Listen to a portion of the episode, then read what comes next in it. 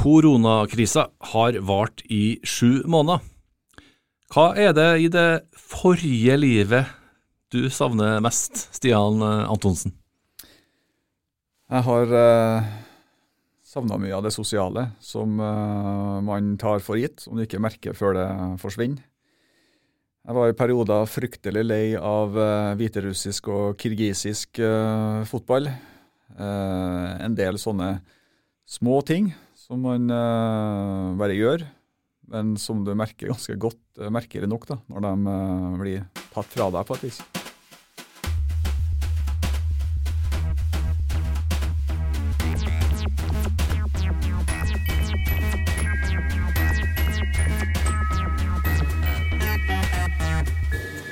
I dag har jeg besøk av eh, forsker i samfunnssikkerhet Stian Antonsen, og vi skal snakke om koronakrisa. Kunne den vært unngått? Hva har vi lært så langt? Vet vi noe i dag som gjør at vi er bedre rusta neste gang vi rammes? Sånne spørsmål skal vi ta opp i dagens Forskerpodden, som er NTNU Samfunnsforsknings egen podkast. Sendt fra studio her på Dragvoll i Trondheim. Navnet mitt er Vegard Smevold.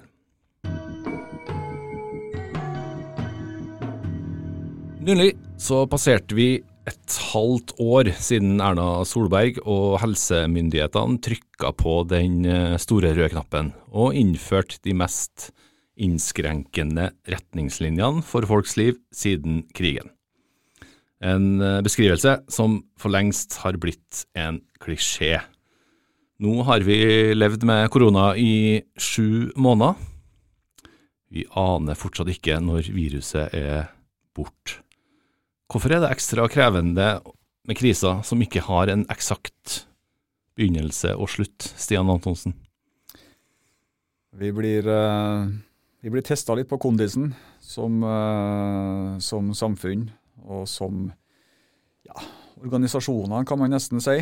Det er um, det er krevende i startfasen, for at uh, ting bygger seg litt sånn sakte opp. Det er på en måte litt lettere når uh, et eller annet brått skjer, for da er det liksom ikke noe tvil. Mens den her kommer litt mer snikende på oss. Man uh, følger jo med på nyhetene og ser at det, det, sprer seg land for land, men så sitter man kanskje med sånn, et lite håp om at det er ikke sikkert det blir så ille her. Så, så i startfasen så er det jo det er krevende å kjenne igjen hva i all verden det er for noe. Hvor ille kan det bli? Hvor, uh, hvor fort sprer det seg? Hvor farlig er det? Det, det er krevende rett og slett å vite hvilke uh, alarmknapper man skal trykke på. Hvor, hvor, stort er det? Og når man ikke helt vet hvor lenge det varer, så er det jo um, faren for å gå rett og slett uh, tom tom for ressurser. At man, eh, man, brenner av kruttet for tidlig. At man eh, ikke klarer å stå i det lenge nok. Så det, det, der, der, noen kriser er liksom å, å, springe veldig fort på kort tid, så er den her mer uh, maratonbasert, altså. Det handler om å, om å starte på et løp som du ikke helt vet hvor det begynner, og springe så lenge du klarer, egentlig litt avhengig av hvor, hvor lenge det varer. da. Men eh, det er jo lite som tyder på at det, det går veldig brått over. da. Mållinja aner ikke vi hvor er? Nei, og så vet vi ikke helt uh, hva det skal være. da. Sant? For i de første månedene så det var jo populært å drive med sånne spådommer hvor, hvor lenge kommer det her til å vare, nedstengninga, når åpner skolene, når er det over? og da, man, man flytter liksom den mållinja litt etter litt. Og så endrer den litt form òg, for, for, nå vi begynner å bli vant til det. Så nå er det jo um, Man kikker jo mer mot uh, kanskje neste sommer, neste høst, men, men ikke med den samme uh, Ikke panikk, kanskje, men ikke med den samme intensiteten som man gjorde helt i, helt i starten. For nå har vi jo sett at det her, det her får vi jo til, sjøl om det krever mye av oss. Mm. Du og flere kolleger her eh, på huset, eh, og forskere også fra NTNU sentralt, fra Sintef og Universitetet i Stavanger. Dere har arrangert en uh, workshop her i vår om den nyoppståtte krisen. Og allerede nå så har dere laga en 70-siders uh, skal jeg kalle det rapport, eller er det ikke helt en rapport? Jeg tror kanskje vi kaller det notat for å ha litt notat. Ja, et eller annet i behold. Ja, hvorfor er det så uvanlig å jobbe på den måten? Eh, det er eh, litt rart at det er så uvanlig, men øh, det er noe med den grundigheten man vanligvis øh, etterstreber når man driver forskning, som gjør at ting tar fryktelig lang tid. Så vi, først skal man jo skrive en søknad som eh, tar litt eh, tida, og så skal Forskningsrådet gjerne vurdere det, som tar veldig lang tid. Og så skal man bruke uh, tre-fire år på å jobbe med et tema.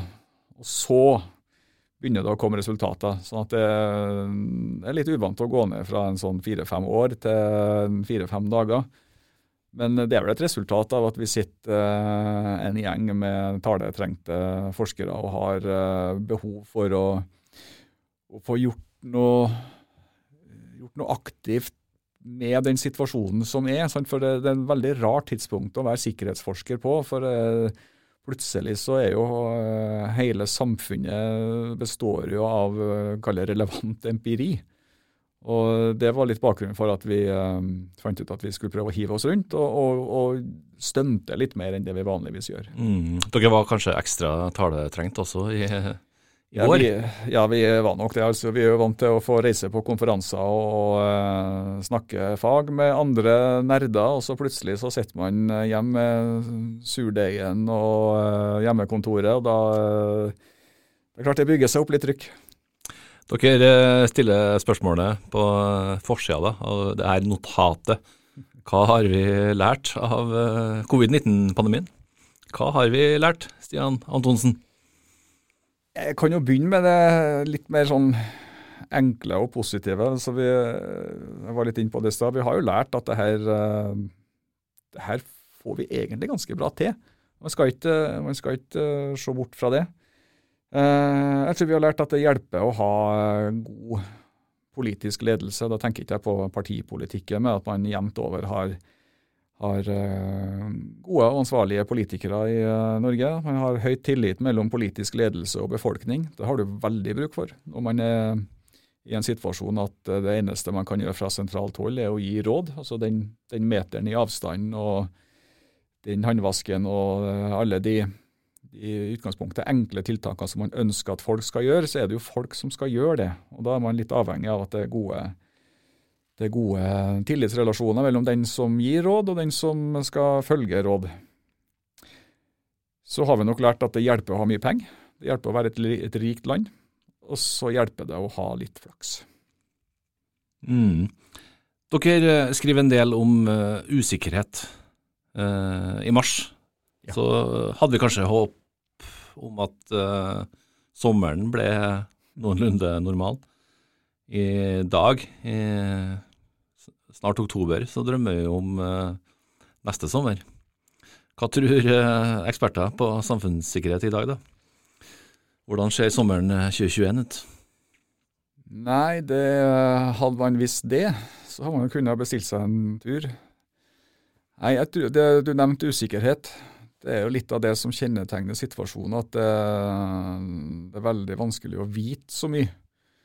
Uh, i den tida som gikk etter 12. mars, så var jo liksom ei uke var jo uh, en liten evighet, det, i, i ny kunnskap.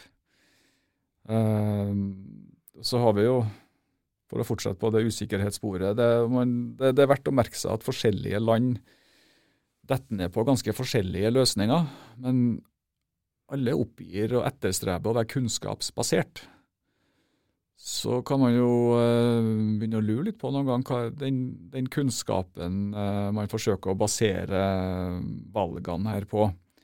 Hva, hva er det? Hva, hva, vet vi egentlig om viruset? Hva vet vi om hvordan ulike samfunn reagerer på å bli satt uh, under denne typen press, for å kalle det det? hvor, hvor, sikker er egentlig det vi tror vi vet, den kunnskapen og de modellene for spredning f.eks. Som, vi, som vi har. Og det som er litt av utfordringen, er jo at vi, vi, er nødt til å basere oss på en del antakelser. For, for uh, viruset er nytt, situasjonen er ny, det har jo vært pandemier før. Men ikke med det omfanget her i et så gjennomindustrialisert, gjennomorganisert samfunn hvor på en måte alt henger sammen med, med alt. da. Og da er vi det der at man må man må ta til takke med den eh, best tilgjengelige kunnskapen, altså den kunnskapen man nå en gang har. Og eh, det er litt krevende, fordi at uh, man møter liksom ulike kall det prinsipper å jobbe etter. Det ene er jo som føre-var-prinsippet, at man, når man ikke vet, så, så, stopper man til man vet mer. Det kontra kaller mer sånn evidensbasert, at man, man, vet mye mer før man treffer valg. Det tror jeg det var eh, Det var nok noen vanskelige avveininger der eh, i eh, uka eller ukene før 12.3. Mm. Det blir vanskelig å sammenligne med spanskesyken nå, fordi det er helt, helt annen tid. Det er akkurat det. Mm. Du nevnte at uh, kanskje spesielt vi i Norge har vært uh, velsigna med litt flaks. På hvordan måte da? Jeg tror nok at det, det har litt å si med hvor, uh, hvor hardt blir du uh, truffet, hvor, hvor brått uh, treffer det. Det har litt å si med muligheten for å få flata ut den kurven, som det var så mye snakk om, den spredningskurven. Sånn at helsevesenet ikke går i metning. Det, det blir jo pri én, det å klare å holde, å holde funksjonaliteten i helsevesenet oppe og gå. Og Hvis jeg skjønte det riktig, så var nok smitte smittetallene eller spredningen allerede på vei ned når vi gikk inn i, eh, i den lockdownen etter 12.3. Og eh, det vet vi jo i dag, men det visste man ikke eh, da. Men, men det er nok en del stang inn og stang ut med men med hvor, hvor, fort og hvor hardt man blir eh, truffet. Og så er det kanskje også eh, litt flaks og mye dyktighet eh, involvert i det å klare å beskytte de, de særlig sårbare gruppene tidlig nok, f.eks. Eh, sykehjem, eldreomsorg. Jeg vet ikke hvor mye nettartikler du leste i mars-april som ekspert på samfunnssikkerhet. Jeg må kanskje innrømme at jeg leste en del sjøl i starten. Eh, Dagbladet som et eh, skrekkeksempel, der det eh, var en del skrekkelige artikler, rett og slett, som om at, eh, som at svartedauden sprer seg igjen. Og at den pandemien her da, bare er en forsmak på det som kan vente noen år fremover i tid er vi, er vi bedre rusta neste gang? Hvis det skulle komme noe som er enda verre, med høyere dødelighet f.eks.?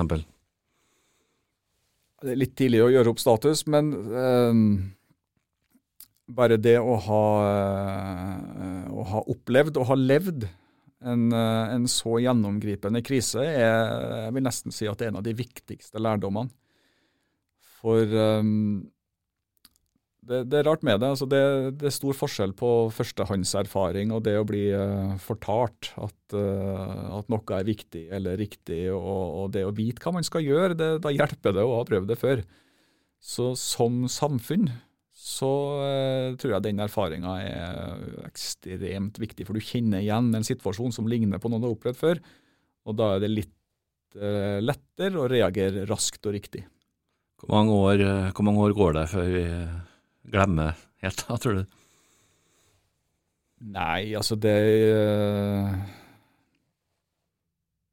Nå er det jo relativt øh, altså Bare tenk på, på krigen. Hvor, hvor, hvor, lenge levde erfaringa med den? Det levde jo like lenge som folkene som har opplevd det. Uh, så sånn i, i, den kollektive hukommelsen så, så, tror jeg det varer. Men så er det jo noe med Eh, politikken i eh, beredskap for beredskap er jo dyrt. Det handler jo om å betale for noe som du aldri eh, ser noe til. i normalsituasjonen. Det handler om å kjøpe inn eh, dobbelt av alt, eller mye, mye utstyr som du skal legge på et lager, og ekstra folk som kanskje skal ha ekstra kapasitet. og Det er ting som eh, økonomisk sett er vanskelig å forsvare. da. Og eh, der ser man i sånn, nær sagt dessverre, at den, den uh, hukommelsen, eller uh, urgency, i det å holde trykket opp, det, det går ganske fort over etter en, etter en krise. Hvilke verktøy da har vi i dag for å være bedre rusta, eventuelt neste gang? Nei, alle, alle, vi som har opplevd eh, pandemien over 18 år, skal jo eh, stemme ved valg. Og skal ikke kimse av det som, som verktøy, at det rett og slett beredskap er nok et betydelig viktigere politisk tema for de neste valgkampene enn det har vært tidligere. Man ser jo at det er sånne raptus i etterkant av hendelser. Etter 22.07 så, så var det veldig mye trøkk på, på terror og uh, spesielt politiberedskap. Og, og, også politisk. Og det, det, er klart det har jo noe å gjøre med at det, det også stemmes med det saksfeltet i bakhodet. Du har ikke vunnet valg tidligere på å bruke milliarder på det. Men... Nei, det, det en, eh, var en klok mann som sa, en klok mann med navn eh, Per Morten Skjeflo som bruker å si det, at uh, du får ikke skryt bare fordi taket ikke lekker. Det, det, er noe der rundt, uh, rundt, valg og valgkamp også, at det, det ligger liksom litt mer flesk i, uh, i å klippe snorer og få til synlige ting, enn å ha brukt enda en milliard på ting som ligger liksom i, i kjellerfunksjoner. Mm. Jeg prata jo med din kollega Per Morten Schäflo i vår, da vi satt egentlig midt inni den verste nedstenginga. Vi laga podkast på hvert vårt eh, hjemmekontor, eh, og så spurte jeg han om eh, dere som er eksperter på samfunnssikkerhet og beredskap, om dere har vært flinke nok til å rope varsku. Har dere vært flinke nok til det? Nei, I deler av forskningsfeltet så vil jeg si nei. Altså Den helserelaterte forskninga på pandemi, eller på, på, eh, smittsomme sykdommer, så har det vært eh, oppmerksomhet på det lenge. Og på myndighetssida så eh, Direktoratet for samfunnssikkerhet og beredskap har jo hatt eh, pandemi som eh, det scenarioet med størst, sånn, høyest sannsynlighet og størst konsekvens lenge. Og første gang det her dukka opp, det var, om det var i 2008 eller noe sånt, så der er det ikke noen overraskelse.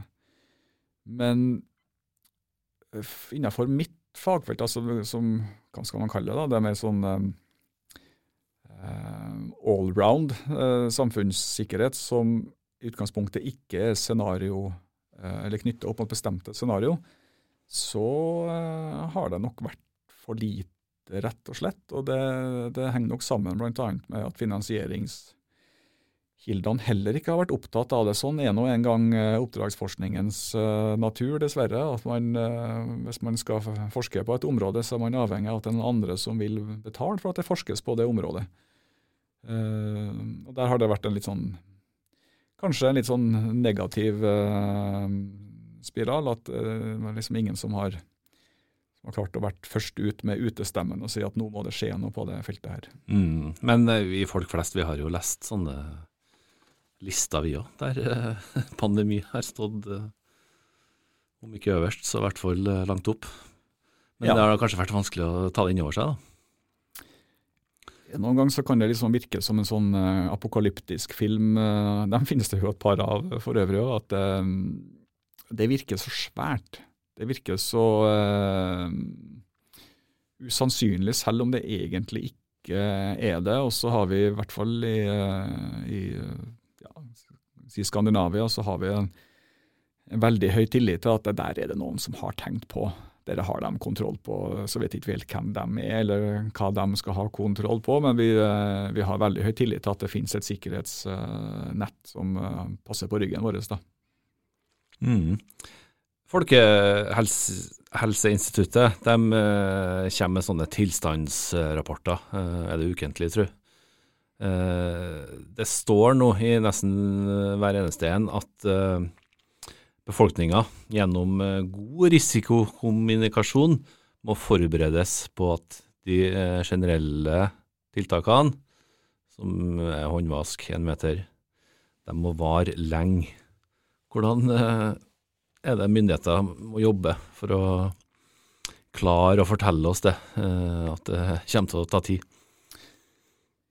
Akkurat det er jeg ikke så sikker på at de uh, trenger å fortelle oss så mye lenger. altså For den, den her, um, Det er rart med det, hvordan ting setter seg i, i vaner og kropp. Det, det, begynner å bli vanskelig å gå forbi en antibac-stasjon. Det er på ren automatikk. Og uh, du ser det på uh, og dokøer rundt omkring at eh, det er jo som å stå og vente bak en kirurg som eh, skal i operasjon, denne nedskrubbinga av hender. Så det, det, det, ser ut som at eh, akkurat sånne ting tas ganske sånn på automatikk. Jeg håper i hvert fall, da. Men avstand er noe annet. For, for der er det Det legger ganske mye begrensninger på sosialt liv. Og det ser vi jo med de lokale smitteoppblomstringene som har vært, at de, er knytta til at man ikke helt evner å, å um, overholde denne metersavstanden. Mm. Jeg, spør jo, for at uh, det har jo kanskje begynt å murre litt nå. Uh, vi har sett uh, store demonstrasjoner i Tyskland og Frankrike, kanskje i Storbritannia også, der folk rett og slett demonstrerer mot, mot smittevernreglene. Kan det bli sånn her i Norge òg, tror du? Det er litt utenfor mitt fagfelt, men eh, jeg har litt vanskelig for å se det for meg, rett og slett, altså. Eh, det er klart, det er jo en, det er jo en slitasje knytta til tiltak. Når det gjelder altså det, når det er tiltak som begrenser sosialt liv og kontakt med familie, enten det er eldre eller yngre, så, så, vil man jo helst at det ikke skal være der. da, At man skal få lov til å leve livet sitt som man har gjort fra før. da. Uh, men derifra til at det blir en veldig stor frustrasjon som gjør at folk tar til gatene, det må jeg bare ha litt vanskelig for å, å se for meg. Mm. Vi har jo i dag da null, null personer på respirator, og respiratorkapasiteten ble jo nevnt som uh, det avgjørende for hvordan vi klarer oss gjennom det. Hvorfor er det ikke mer bråk om det, da, tror du? Nei, Det er vel det at man ser at kapasiteten akkurat nå, i hvert fall, uh, er avklart og, og, i mer enn god nok match med behov. Men hvis man spoler tida tilbake til perioden rundt 12. mars, når man ikke helt vet hvor bratt blir den kurven her eh, opp her, da, så blir det et helt annet, eh, et helt annet spørsmål. Så det handler om å kjøpe seg tid, da, egentlig. Eh, det er det vi ser myndighetene gjør. Det var det rundt, rundt nedstengninga 12.3 i hvert fall. For det, det, som går på enten det er respiratorkapasitet eller folk til å operere respiratorer, det skal man i hvert fall ikke glemme. Eller det er visir og annet smittevernutstyr eller frakker og eh, generelt det du må ha for å være forberedt til å takle en topp. Det, vi var jo ikke helt der rundt 12. mars. Og så var det bekymring for om, om vi var forberedt hvis det her ble veldig bratt uh, smittespredning. Og da, da er på en måte føre-var-prinsippet det du har å spille på. da. Hvis du, hvis du, er i tvil om hvor alvorlig det er, og i tvil om hvor god håndteringsevnen er, hvis du da har mulighet til å kjøpe deg tid, og gjennom å kjøpe deg tid også kunne få mulighet til å kjøpe deg utstyr, skaffe deg kunnskap, bygge opp kapasitet, alle de forberedelsestiltakene som, som man eh, kanskje kan håper på at deler av dem var allerede på plass. Men hvis det ikke er det, så, så er det å kjøpe seg tid er jo en helt åpenbart en meget god idé. Og når vi da skriver eh, oktober 2020, eh, så ser det kanskje ikke så ravgæli ut, i hvert fall i Norge, da? Kanskje? Nei, Vi har vel hatt uh, våre lokale, lokale oppblomstringer. Men det er jo sånn sett ikke noe uventa. Det har jo vært signalisert fra FHI eh, nær sagt helt fra starten av, eller fra man kunne begynne å åpne opp igjen, at det, det er forventa. Eh, samtidig så skal ikke så veldig mye til fra lokale oppblomstringer blir veldig krevende å håndtere lokalt.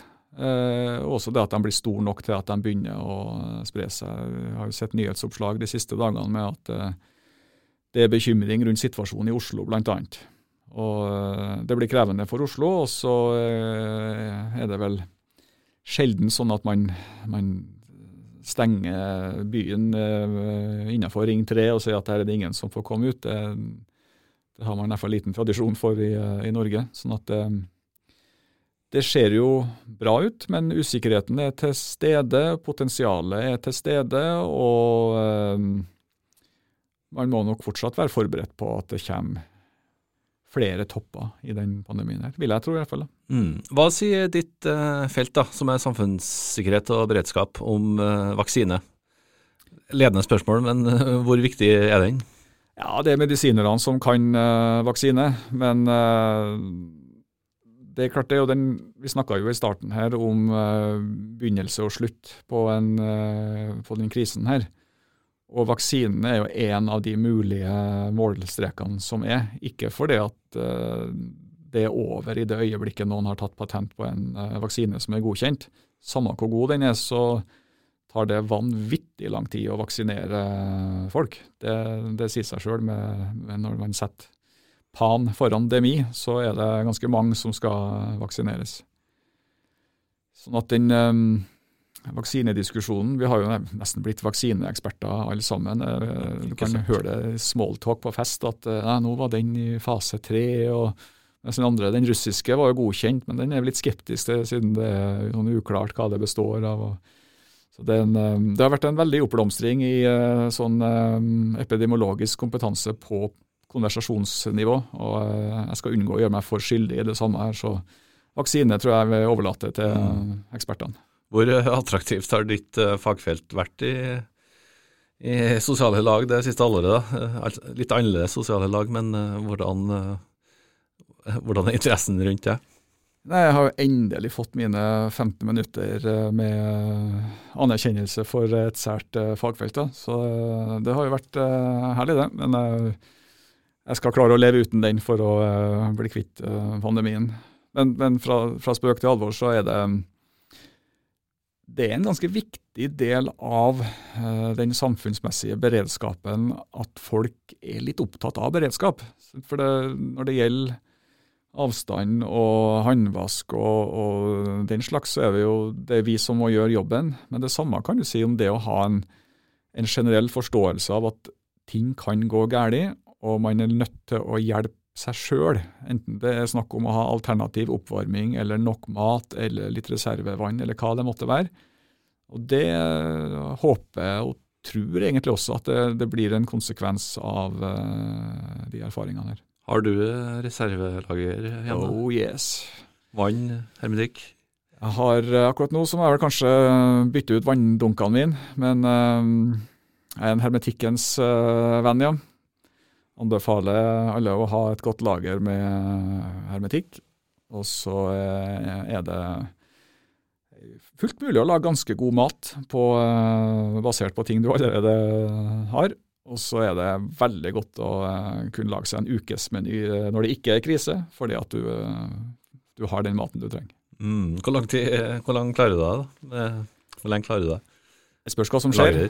Men um, ja, hvis jeg tar med det jeg har i, uh, i fryseren, sant, da er vi avhengig av at vi mister strøm og alt. da.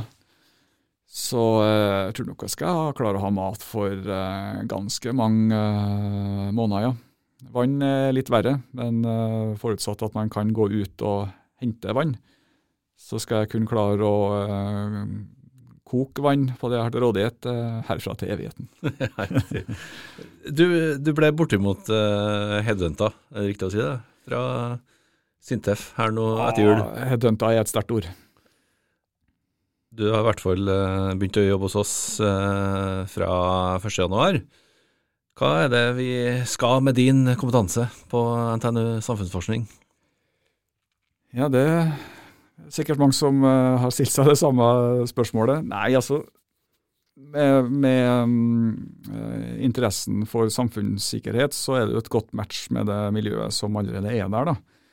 Og vi har jo en strategisk satsing på samfunnssikkerhet som har gått uh, i flere år. Starta lenge før uh, jeg kom inn. Så uh, sånn sett så min jobb er jo ganske enkel, da, sammen med mine gode kolleger fortsette det arbeidet som allerede er lagt ned. Og Det handler jo om, bl.a. om å, å, hjelpe til å binde sammen de, de, viktige, men ganske forskjellige fagområdene vi har internt i, i selskapet. Enten det handler om eh, mangfold og inkludering, eller eh, psykisk helse, eller eh, romfart, så er det faktisk aspekter ved samfunnssikkerhet ved alt det her. Og det er, det er et veldig spennende land og, og omland å jobbe i der. Hva var det som fikk deg til å begynne å forske på samfunnssikkerhet? Jeg studerte organisasjonssosiologi Eh, når det brant Hva heter det? Det, ja, det for to fly inn i eh, World Trade Center i New York. Og eh, da var det noen dyktige forelesere som for det første renska hele forelesningsplanen for den dagen. Så at nå, nå har vi viktigere ting å holde på med enn uh, generell teori. Hva betyr det her? Hva, det som, hva var det som skjedde nå? Og det gjør noe med faginteressen. Det gjør noe med forholdet mellom organisasjonsfagene og den bredere samfunnsvitenskapen, som jeg syns er veldig interessant og, og veldig viktig. Det, jeg har en liten idealist i meg, og det, er ikke alltid man kan uh, lure seg sjøl til å tro at man faktisk har en, en, uh, en bitte liten aksje i samfunnssikkerheten rundt seg, men på en god dag så, så, kan man ha en følelse av at det her eh, det kan være meningsfullt også i den litt større sammenhengen. Du har jo sagt til meg da, at en eh, sånn enorm eh, hendelse som skjedde 11.9. for 19 år siden, er enklere på mange måter for myndighetene å håndtere enn en sånn pandemi med usikker start og slutt. På hvordan måte da? Ja, nå var det litt usikker uh, slutt, i hvert fall, på, uh, på uh, terroraksjonen i New York. Men, men de, de, brå hendelsene de påkaller oppmerksomheten brått. Og du har et, du har et skadested å fokusere innsatsen på. I mange tilfeller så er også potensialet i situasjonen tatt ganske raskt ut. At du kan få et bilde av hvor ille det er og hvor ille det kan bli. 11.9 eh, så hadde man jo ikke det, for da vet man ikke er det her en, er det, det første i en serie av koordinerte angrep. Så var det jo til dels det også. Og så har du eh, en, en ondsinna aktør, altså en fiende, som fortsatt er ut, som eh, kan ta deg på nytt. Med tanke på de eh, Hvis det skulle være en, eh, en stor ulykke eller en svær brann eller hva det måtte være, så, så er de mer avgrensa i tid og rom. Og du kan Du trenger ikke å tenke så mye på kondisen. Du kan heller mobilisere alt du har av ressurser kjapt. Så kan du heller eh, skalere ned igjen. Det kan du ikke gjøre eh, under en pandemi. For da går du tom for kort på handa. Og når en pandemi varer såpass lenge, så kan du også risikere at du havner i en situasjon hvor du får flere store hendelser samtidig. Får vi en krevende um, høststorm eller nyttårsstorm samtidig med en uh, smittetopp, så er vi strekt uh, ganske langt ut i tåleevne, tror jeg. Vi får håpe at uh det blir en ende til slutt, og at eh, det blir fulle tribuner på fotballkamper, som var noe av det du savna mest. Det har en liten, uh, liten, drøm om at jeg skal, jeg skal, jeg skal feire måte, friheten fra pandemi med en tur til England Ellen Road og se uh, Leeds forhåpentligvis i en uh, avgjørende kamp om uh, seriegullet i England. Kanskje revansje mot mitt lag Liverpool, da? Ja, skal den- det møtes eh, der. Den revansjen, eh, den revansjen tror jeg dessverre kommer før eh, pandemien er over. Den er det jo ikke så lenge tid til. Nei, nettopp. Takk for en uh, interessant prat, Stian uh, Antonsen. Selv takk. Navnet mitt er Vegard Smevold. Du har hørt på Forskerpodden, som er NTNU Samfunnsforsknings egen podkast. Vi høres neste gang.